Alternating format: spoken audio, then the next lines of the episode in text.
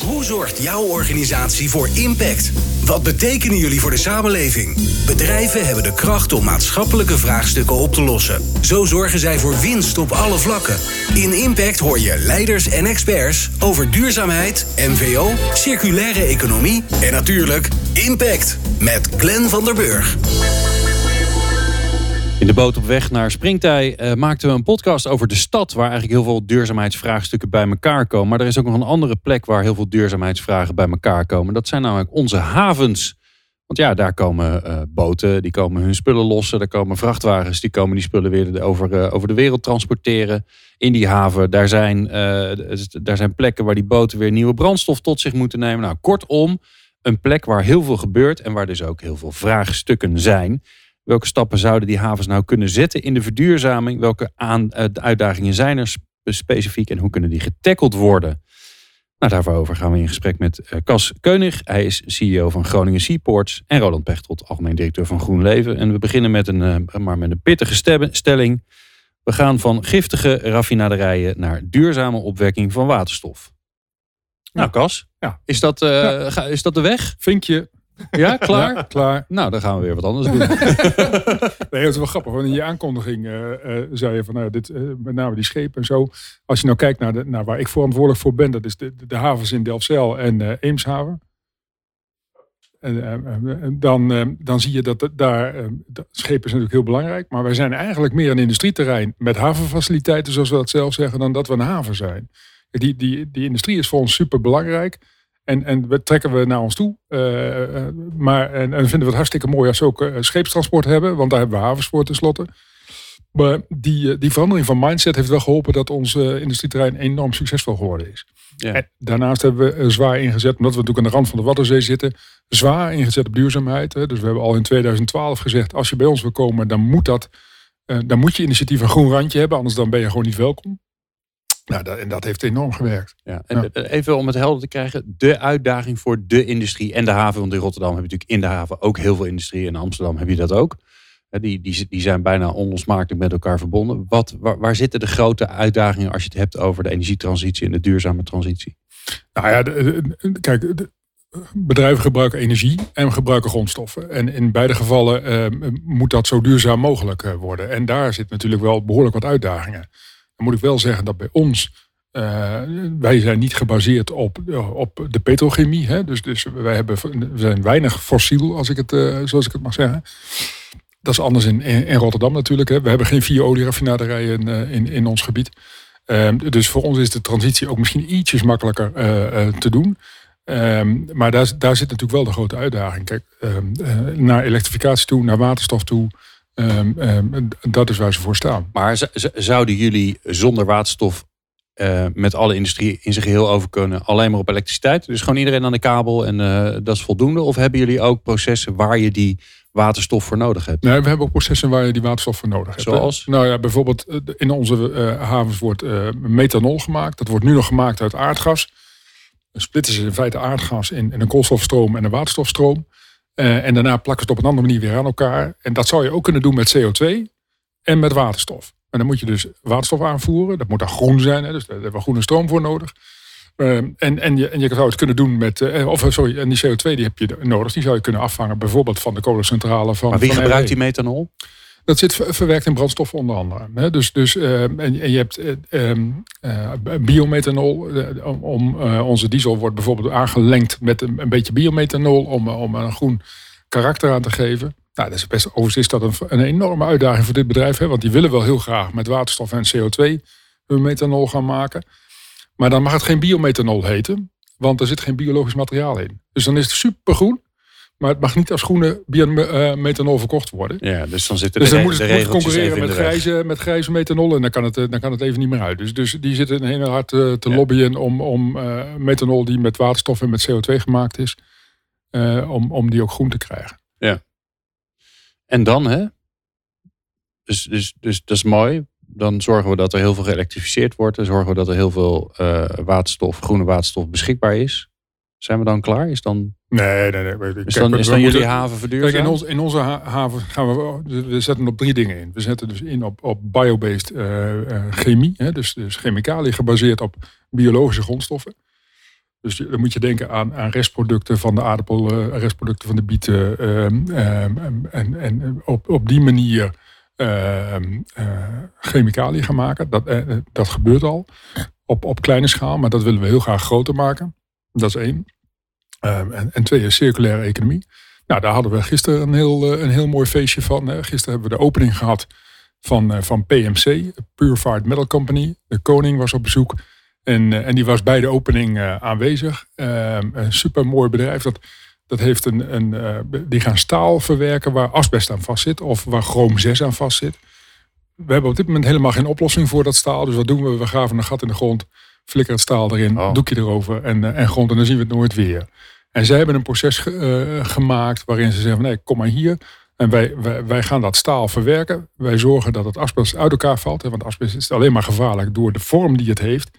Uh, niet zozeer de, de stof vanzelf, maar het is de vorm die, die zorgt dat het schadelijk is. Dan valt die vorm valt helemaal uit elkaar bij dat proces. Dus asbest wordt onschadelijk en dat staal kun je weer gewoon gebruiken. Komen keurig netjes broodjes van een paar kilo uit, zoals ze dat noemen. En die kunnen dan. Uh, maar zij smelten die, dat staal. Ja, en dus daar hebben ze dus hoge temperatuur. Ja. Dus het gaat op gas waarschijnlijk nu. Elektriciteit. Oké. Ja, dat is een inductieproces. Dat is een, dat is een soort inductiekookplaat uh, waar okay. een, een, pan op staat en die wordt uh, op die manier verhit. En ehm, ehm, dat is een hele energie-efficiënte manier van, van staalsmelt. Mooi. Ja. Nou hebben we, eh, waterstof is natuurlijk ehm, een drager van energie. Hè? Dus, dus het is een, als je het gebruikt, eh, komt er iets schoons vanaf. Dus dat is mooi. Maar het maken van waterstof, daar heb je wel energie voor nodig. Ja, dus hoe kijken jullie daar ja, dan dat is wel grappig. Ik zat net bij, bij, eh, bij een bijeenkomst, daar ging het over, ook over waterstof. En daar zei iemand in dezelfde, ja, ik, ik zeg het zelf nooit. Hè, maar er is iemand bij onze organisatie die zei, op verbranden van waterstof zouden lijfstraffen moeten staan. Eh, ik, ik, ben het daar... Okay. Uh, Want? Nou ja, kijk, het, het, kost natuurlijk heel veel moeite om waterstof te maken. En wat is het dan eigenlijk zonde als je direct weer verbrandt? Dus, dus je moet waterstof gaan maken en je moet daar een, een hoogwaardig product van maken. Dus je moet proberen zo veel mogelijk toegevoegde waarde daaraan toe te kennen. Dus, dus producten maken met waterstof in, in plaats van het direct weer verbranden. Dat is eigenlijk hartstikke zonde. Oké. Dat is wel een uitdaging voor de industrie die nu dat als alternatief ziet voor gas. Nee, maar ik denk dat de industrie ook voor. Zeg maar, als je nu kijkt naar de industrie die waterstof wil gaan gebruiken, die zitten toch vooral uh, op, op, juist op het maken van, van, van, van producten met die waterstof. Hè. Dus het verbranden van, van waterstof, eh, dat zijn, daar zitten de elektriciteitsmaatschappijen wel aan te denken. Hè, van, van kunnen we op die manier onze portfolio vergroenen. Um, maar maar uh, en het bedrijfsleven zit vooral toch op zoeken van kunnen we daar kunstmest mee maken met, met dit soort waterstof. Ja, Roland? Als vervanger van aardgas, hè? Dus als vervanger van aardgas als grondstof. Ja. Ja, nee, maar, maar, maar, wat ik hier zou kunnen doen is natuurlijk gaan praten over hoe we dan met, uh, met zonnepanelen groene waterstof gaan maken. Maar die, die wil ik overslaan. Uh, wat, ik, uh, wat ik intrigerend vind, het verhaal van Cas, is eigenlijk sprak je al, hè, de, de, de functie van de haven zien we niet zozeer als die kom met water en de boten die erin uitkomen. Maar ik hoor jou zeggen, iets van een regiefunctie. Hè? Ook ja. dus en, en volgens mij is, is Seaport Groningen heel succesvol als ik je zo'n beetje op een afstand volg wat er gebeurt. Kan je, kan je iets vertellen over de rol die je hebt gedaan? Dus hoe jij dat cluster uh, met vraag en aanbod en, en dus, uh, ja. dus met elkaar samenwerken, hoe je dat ziet en hoe je, hoe je, nou ja, hoe je dat ontwikkelt. Nou ja, dat is wel grappig. Uh, wij nemen daar inderdaad een regie, een, een rol op ons. En dat hebben we gedaan. En, en, um, en die komt eigenlijk voort uit, uit energiestudies die we gedaan hebben bij bedrijven. Wij zagen op een gegeven moment de mogelijkheid uh, dat bedrijven verder konden gaan met hun energiereductieproces.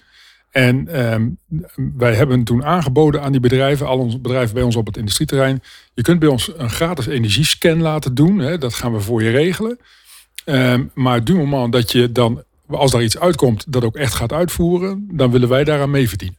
Ja, ja. En, um, um, en dan hoef je pas over, als je dat installeert, dan na vijf jaar willen wij um, meegaan uh, uh, liften op, die, op, die, op dat verdienmodel. Nou, dat heeft heel veel bedrijven over de streep getrokken om dat te doen. Zo'n gratis. Uh, en dan gaan we echt, dan keken we dus niet naar ledlampen en zo. Hè. Dus dat ging echt fundamenteel met wetenschappers en onze eigen ingenieurs diep in die productieproces. Heb je daar een voorbeeld van wat er dan uitkomt? Nou, we, hebben dat op ons eigen industrieterrein gedaan. Maar een mooi voorbeeld is bijvoorbeeld in Heerenveen. Waar BASF zit. Daar hebben ze 30 tot 40 procent uh, of, of energiereductie uh, bewerkstelligd. En deze jongens die zijn ook, die gaan ook gewoon voor 20, 30 procent. En anders beginnen ze er niet eens aan. Ze zeggen als het, als het minder is, dan, dan, dan doen we niet meer. wij kijken naar het proces. En er zit een soort kickback in voor jullie. Dat jullie zeggen wij investeren erin. Komt er niks uit, dragen wij het risico. Maar, maar, komt er wat uit, dan willen we een beetje terug hebben. Overigens mooi te melden dat de provincie Groningen toen gezegd heeft... oké, okay, uh, eh, wij zetten hier een, een potje geld opzij voor, uh, voor die eerste aanloop. Mocht je dat nodig hebben, dan, dan kun je daar gebruik van maken. In de praktijk hebben we het niet aangeraakt. Het was niet nodig, het was direct succesvol. Maar er was altijd een hele mooie bijvangst bij. Doordat we zo diep in die, in die bedrijven konden kijken. Dus een, een, een Water Energy Solutions, een bedrijf uit Groningen. Plus eh, onze eigen ingenieurs. Die konden zo diep in die, in die processen bekijken. En die dachten, ik van vergek. Maar dat wat hij heeft, daar kan die buurman, die kan daar ook wel wat mee. En, en ik ben zelf ook planmanager geweest jaren.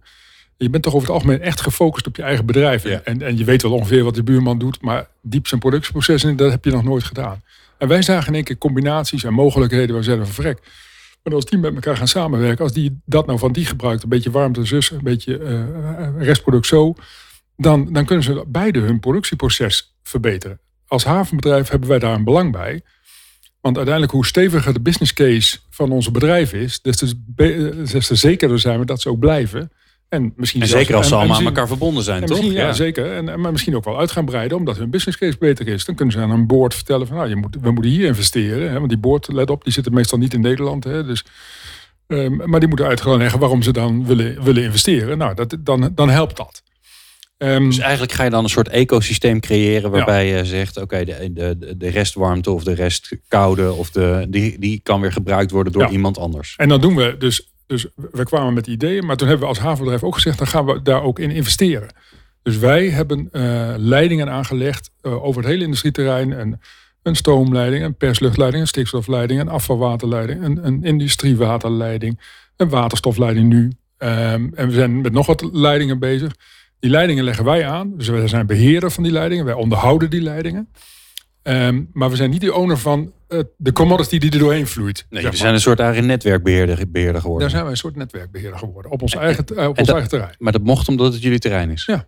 ja. En die bedrijven zijn daar super enthousiast over. Want um, uh, daar waar je ze in het verleden verplicht waren. Dus je ziet wel eens connecties tussen bedrijven bestaan. En dan betalen ze samen die leiding. En dan zijn ze daarna ook aan elkaar veroordeeld. Hè? Dus dan moet uh, Dow bij PPG kopen. Ik noem maar even een, willekeurig voorbeeld. Ze hebben geen keuze, want die leiding is van hun tweeën en ze zijn met elkaar verbonden. Wat wij proberen te maken is een soort ringleiding. En, en, en, en uh, dat hebben we bij stoom. Hè? We hebben nu een stoomleiding. Er zijn drie bedrijven die voeden in op die leiding. En er zijn zeven bedrijven die nemen daarvan af. En die bedrijven kunnen onderling met elkaar contracten maken. Dus er ontstaat dus ook een soort concurrentie uh, in, in wat kost een ton stoom bij jou, wat kost een ton stoom bij, bij, bij de ander. En, en uh, uiteindelijk is dat voor de bedrijven die afnemen goed, maar uiteindelijk voor de leveranciers natuurlijk ook. Dus op die manier hebben we een soort markt, interne markt gecreëerd voor stoom. En dat hebben we nu ook voor perslucht. En bedrijven zijn dus niet meer veroordeeld tot elkaar. Ze kunnen daar één keer in de zoveel jaar hebben. Je maakt meestal wel wat langer. Uh, ik heb dat toen ook gedaan, een 15 jaar contract of zo. Weet je, je wil ook niet elk jaar opnieuw onderhandelen over dit mm. soort dingen, want je wil ook levenzekerheid hebben. Ehm, dus, dus op die manier hebben we, hebben we uh, een compleet nieuw systeem gecreëerd. En, en bedrijven vinden, zijn daar hartstikke enthousiast over. Kijk, en wij hebben als voordeel als havenbedrijf, dat, uh, wij hoeven niet naar onze boord te zeggen van uh, de return of investment is, is bij ons, is, als dat een keer zeven of acht jaar is, of misschien wel zelfs tien jaar, dan is dat bij ons niet zo'n probleem. En ik, ik, bedoel, als je bij een gemiddelde aandeelhouder komt en zegt, ik heb een heel mooi plan. Return, de return of investment tien jaar. Wow. Maar die infrastructuur aanleggen, dat zal ook wel wat gekost hebben. Nee, dat is hartstikke duur. Ja. ja. Nee, dat, dat is hartstikke duur. Uh, dus daar heeft iemand zijn nek uitgestoken? Ja, wij. Wij, upfront. Waarom lukt dat? Nou ja, weet je, omdat, één, omdat we niet uh, hoeven te kijken op een return of investment van twee jaar, zoals de meeste bedrijven wel moeten. Dus wij kunnen onze, in die, die zin, uh, dat we over een grotere periode afschrijven. En, en, en dat helpt natuurlijk enorm in je financieringslast. Um, uh, en punt twee, uh, ja, wij vinden ook dat dit onze rol is. Ja. En we hebben aandeelhouders. En onze aandeelhouders zijn de provincie Groningen en twee, de twee gemeentes. Hè, de gemeente waar de Eemshaven ligt, dat is, heet nu de gemeente het Hoogland. En de gemeente Delfzijl. En die, die, die, die zijn het daarmee eens. We hebben hen overtuigd dat dit een goede, een goede strategie is. Ja. En, en, en Nou, dus het gaan we zo interessante is dat, dat volgens mij die infrastructuur juist een van de vraagstukken is. Hè, wanneer ga je aan- aanleggen? Wat ga je aanleggen? Wat kost het? Wie gaat de kosten dragen? Is Ja. ook een van de vraagstukken waar de andere havens enorm mee kampen. Nee, maar wij liggen daar denk ik wel wat voor op. Eh, zeker op ons eigen terrein. Hè? En, en wat we nu aan het doen zijn, wij, eh, wij zijn betrokken bij een project met, met, met Shell en GasUnie. Eh, dat heet, het project heet Noord's H2, hè? Om, om heel grootschalig eh, eh, waterstof te gaan maken. En, en in, dat, in dat hele proces zit dus ook een. een, een- we beginnen met, met, met waterstof. eh, op nou, eigenlijk beginnen we met, met wind, eh, een windpark offshore. En dan die energie naar de haven halen, daar eh, waterstof maken direct doortransporteren door de leiding van GasUnie naar afnemers, zowel in Delfzijl, maar via de linkerkant door Friesland, Den Helder, Amsterdam, Rotterdam. Misschien zelfs door naar Antwerpen. En aan de andere kant via Emmen en dan eh Geleen, en dan het, Oh. Het Roergebied in. Oh, kijk. Ja. ja. Dus, eh, dus we moeten vanuit, hè, zeg maar, vanuit die positie in de haven de, de infrastructuur verder zien te krijgen. Ja, Roland. Ja, Ja. als ik jou een podiumpje mag- geven. Voor mij, wat je hier beschrijft aan, eh, aan, aan eh, nou, voorbeelden. Hè? Ehm, ook zoals je de rol neemt als haven, maar inderdaad met een overheid achter je. Dat je een potje kan maken, wat dan misschien nog wel niet gebruikt wordt, maar in ieder geval het risico kan pakken. Eh, nou, complimenten. Heb jij wat getallen dat je zegt, nou, hè, dus wij doen zoveel aan eh, footprintvermindering in CO2 of andere zaken? Of, dus dat je, het- als je het in getallen moet uitdrukken waar jij, eh, nou, waarom je zo trots bent. Nou, weet je wat het mooie is? Ehm, ehm, ik ben ook eh, voorzitter van de industrietafel Noord-Nederland. We hebben natuurlijk die, die, die vijf, eh, of, of, vijf tafels. En, de industrie was dan ook nog eens een keer ingedeeld in vijf gebieden, eigenlijk zes. Maar, Zeeland, Rotterdam-Noordijk, Amsterdam, Noord-Nederland zijn de Emmen tot en met de Eemshaven. En eh, Geleen. En dan het zesde cluster is eigenlijk alles wat daartussenin zit. En, en, en die groep hebben, met die groep hebben we dus alle CO2-besparende maatregelen die we nu al hebben gedaan, maar ook die we gaan doen, in kaart gebracht. En dan zie je dat we nu eigenlijk al op min 54% zitten. Dus we zitten, en, en dat is dan wel uitgedrukt per ton product. Hè? Want je ziet dus, we moesten 1990 vergeleken met nu. En je ziet in onze gebieden juist een enorme groei in de productie. Dus, dus ja, da- da- daar moet je dan wel wat voor corrigeren. Maar zelfs als we nu uitkijken met de plannen die we nu weten, dan gaan we in 2030 54 procent halen. En we hebben nog één project in de studiefase. Als dat project ook doorgaat, dan gaan we naar min 64 procent in 2030. Puur op basis van de ideeën die er nu in, de, in het gebied zijn. Maar dan moeten we nu wel keuzes maken. En daar zit natuurlijk de volgende uitdaging. Ehm, want ja, dat gaat in onze beleving gewoon veel, veel te langzaam. Als je dit bekijkt, met het gebied, jouw cluster, hè, jouw haven. Je, je vergeleken net even een paar namen die we dan in Nederland kennen. Ehm, internationaal, hoe staan we daarvoor? Als je kijkt naar de ontwikkeling die de haven hebben, lopen we daar voorop? Eh, lopen in de middel? Nee, we lopen wel voorop. Hè. Ja. Ik bedoel, de, ook op waterstofgebied eh, eh, loopt Noord-Nederland voorop. Dat is ook erkend overigens door de EU. Hè, want ehm, bij die industrietafel hadden we een rapport opgeleverd van nou, dit zijn onze ideeën. En toen zagen we eigenlijk van, samen met de provincie en de gasunie, zat een keer samen eh, te lunchen. En toen zeiden we van, we hebben eigenlijk heel veel van die ideeën zitten op waterstof. Laten we die nou eens bundelen in één rapport. En dat eh, aanbieden aan het ministerie. Toen kwamen we tot 33 waterstofprojecten in onze regio. En de productie, transport en gebruik. En dat rapport hebben we aangeboden aan, de EU. En vervolgens hebben we datzelfde rapport gebruikt. of sorry, aan, de, aan, aan, aan economische zaken. En datzelfde rapport hebben we ook gebruikt voor de EU. En we hebben nu een subsidie van 20 miljoen gekregen van de EU. En we zijn aangewezen als het waterstofgebied van Europa. Kijk. Dus de- daar maken we Ja. echt een, een, een forse stap. Ehm, ehm, maar goed, we moeten dat nog veel verder uitrollen. Hè. Dus er moet, er moet nog veel meer gebeuren om, eh, om, om het echt succesvol te laten worden. En hoe, hoe zorg je er nou voor dat de, de kennis die jullie opdoen ook weer gedeeld wordt met de andere havens? Ik heb laatst eh, eh, ook eh, een, een totaal andere podcast gemaakt over de, nou ja, de vraagstukken van de industrie in de haven. Ja, dat is zo complex, zit zo ingewikkeld in elkaar. Het zijn zulke grote hoeveelheden waar je het ook over hebt. Eén plant die in zijn eentje eh, de energie trekt van heel, eh, heel de stad Nijmegen. Ja, ga er maar Ja. aan staan. Ja. Hoe werkt dat? Nou ja, wat we, we zitten in dat, het heet nu, de industrietafel, het vervolg daarvan heet het koplopersoverleg. Daar komen we die clustervoorzitters allemaal bij elkaar. Onder leiding van eh Gert-Jan Langhorst van, eh, van de Vereniging van eh, Grote Energieverbruikers, de FEMW. Ehm, en daar hebben we natuurlijk met elkaar over van hoe doe je dat? Waar, hoe, hoe hebben jullie dat aangepakt? Ehm, En, en, uh, en, en hoe kunnen we van elkaar leren? Dus daar zit weinig concurrentie uh, op, moet ik heel eerlijk zeggen. En, en daar leren we ook van elkaar. En iedereen, dat is dan wel jammer, iedereen doet het toch een beetje op zijn eigen manier. En dat komt natuurlijk ook omdat de regie um, uit, uit, uit, Den Haag uh, um, niet heel uh, erg groot is. Nu, nu doe ik me een beetje voorzichtig nu. Maar um, ja, ze lopen hier ook rond. Hè, dus ik moet er een beetje, een beetje uitkijken. Maar, uh, maar nee, zou je meer regie willen? Nee, kijk nou even. In, in, in mei of zo heeft Wiebes een, een, een kamerbrief gestuurd... over hoe hij ziet de verduurzaming van de industrie. Echt serieus, dat was een hele goede brief. Daar, daar stond de industrie echt massaal achter. Vervolgens heeft Carolien Gerels, ook hier aanwezig op Springtij, uh, een rapport opgeleverd, het TIKI-rapport. Dat gaat over de infrastructuur tussen, in, in Nederland. Hoe moeten we die infrastructuur, wat moeten we daaraan doen? Ook daar was de industrie eigenlijk heel enthousiast over. En zij doet een aantal voorstellen die er nu moet gaan gebeuren. er moeten cluster-energiestrategieën opgericht worden. Er moeten safe data houses of zo gemaakt worden... waar bedrijven dan hun informatie veilig kwijt kunnen... zonder dat de overheid er direct uh, bij kan. Maar dat er dan wel een, zeg maar een, gedeel, een gedeeld beeld ontstaat. Rapport is in, in nee, ik weet niet meer precies, maar laten we zeggen juni, begin juni afgeleverd. We zitten nu nog steeds te wachten op, op de kabinetsreactie op dat rapport. En als het kabinet het helemaal niks vindt, ja, dan moeten we eigenlijk ook niet aan de gang met dat wat er aanbevolen wordt. Heel eerlijk, in mijn regio hebben we gezegd, we wachten niet, we gaan gewoon aan de gang. En of, of ze het nou leuk vinden of niet, wij vinden het een goed rapport en we, we pakken die aanbeveling op en we gaan daarmee aan de gang. Heel goed. Dus meer regie en een beetje en, en meer snelheid nodig. Ja, ik heb er ook al ideeën bij, maar um, uh, hoe, hoe we dat zouden kunnen er komt doen. er een nieuw kabinet aan, hè? dat weet je. Ja, dus maar dat, is dat ja, wat leuks voor je. Ja. nee, ik weet niet of ik geschikt ben als, uh, als politicus. mijn, mijn, broer is burgemeester van Deventer. Dus ik heb gezien, dat is toch echt een ander vak. Ja. Um, uh, maar maar um, ik denk dat er meer regie zou moeten komen. En, en waar ik voor pleit, is, is dat we een soort commissaris aanstellen die het energiebeleid in Nederland gaat vormgeven.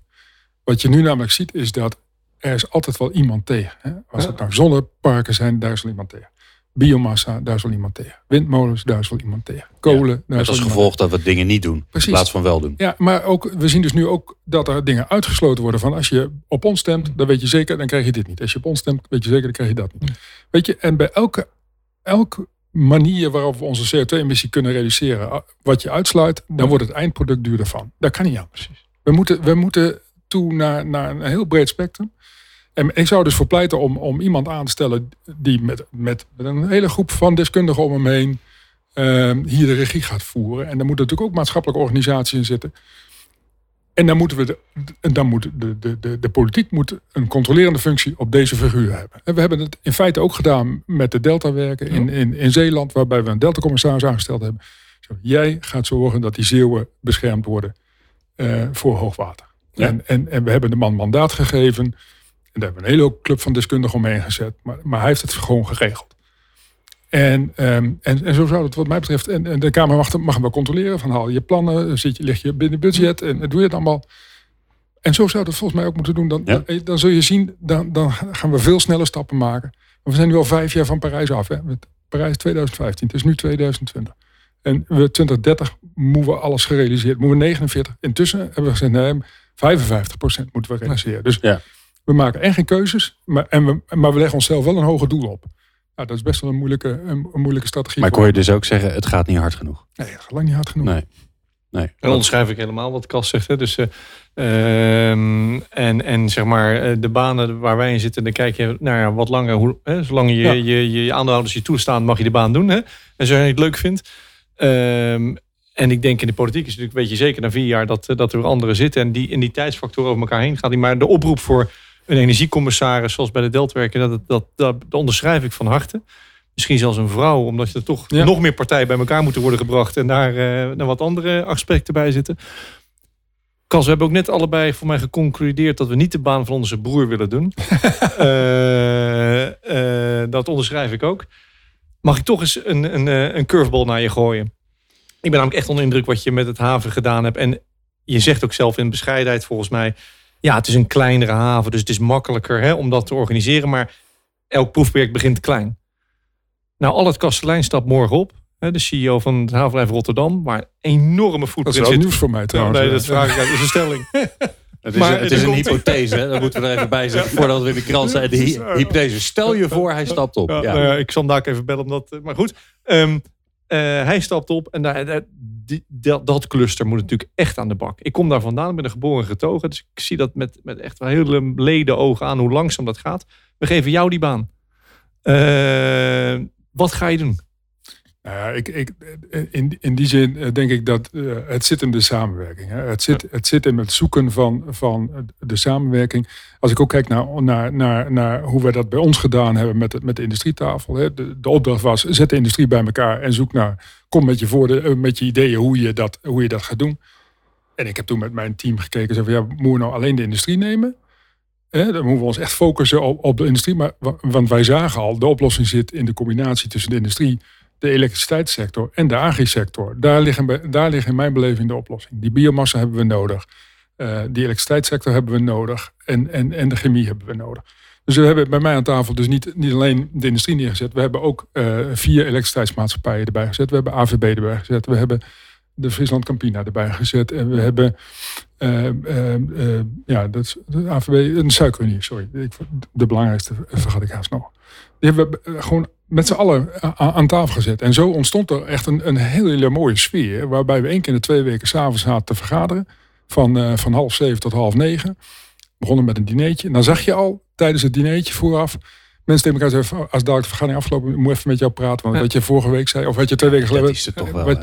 Ja. ja, moet ik één ding. Be- het- het- Al het valt niet te benijden. Hè? Want bij Allet is het wel een stukje ingewikkelder. Want die heeft vier olieraffinaderijen. Ja. Die heeft tig eh, opslagbedrijven. Die, heeft, die heeft van alles een aantal. En die vinden het niet echt zo heel erg grappig om dat allemaal met elkaar te delen. En bij mij is dat natuurlijk gewoon van alles één. En die, die waren echt genegen om met elkaar samen te werken. En, en nog steeds, we hebben ook niet stilgestaan. We zijn niet gestopt nadat het klimaatakkoord er was. Zijn we gewoon doorgaan. Omdat die mannen zeiden, dit is veel te mooi. Dit, dit hebben we niet. En, en hier, hier treffen we elkaar. Dus die, die, wil, die wilde helemaal niet stoppen. Ik heb, sterker nog, ik heb... Want voor mezelf was het best wel intensief, eh, kan ik je vertellen. Ik zat smaandags dan in, in Den Haag en dan dinsdags s'avonds, uh, maandagavond in Den Haag, dinsdagsavonds uh, bij mij in de haven. Maar toen zei ik een paar keer voorgesteld van nou, zullen we naar twee keer in de drie weken of één keer in de vier weken gaan. Ik kreeg niet voor elkaar. Ik heb drie keer, drie keer geprobeerd, wilde ze niet. En als de vergadering om half negen afgelopen was, ik heb op een gegeven moment gewoon de, de beveiliging laten komen om tien uur. Om te zorgen dat dan ook iedereen het pand uit was. Weet je, zo, zo zat die spirit erin. Ja. En, en, eh, en dat is echt moeilijker in, in, in Rotterdam. Dat Ja. moet, ik, eh, daar moet ik toegeven.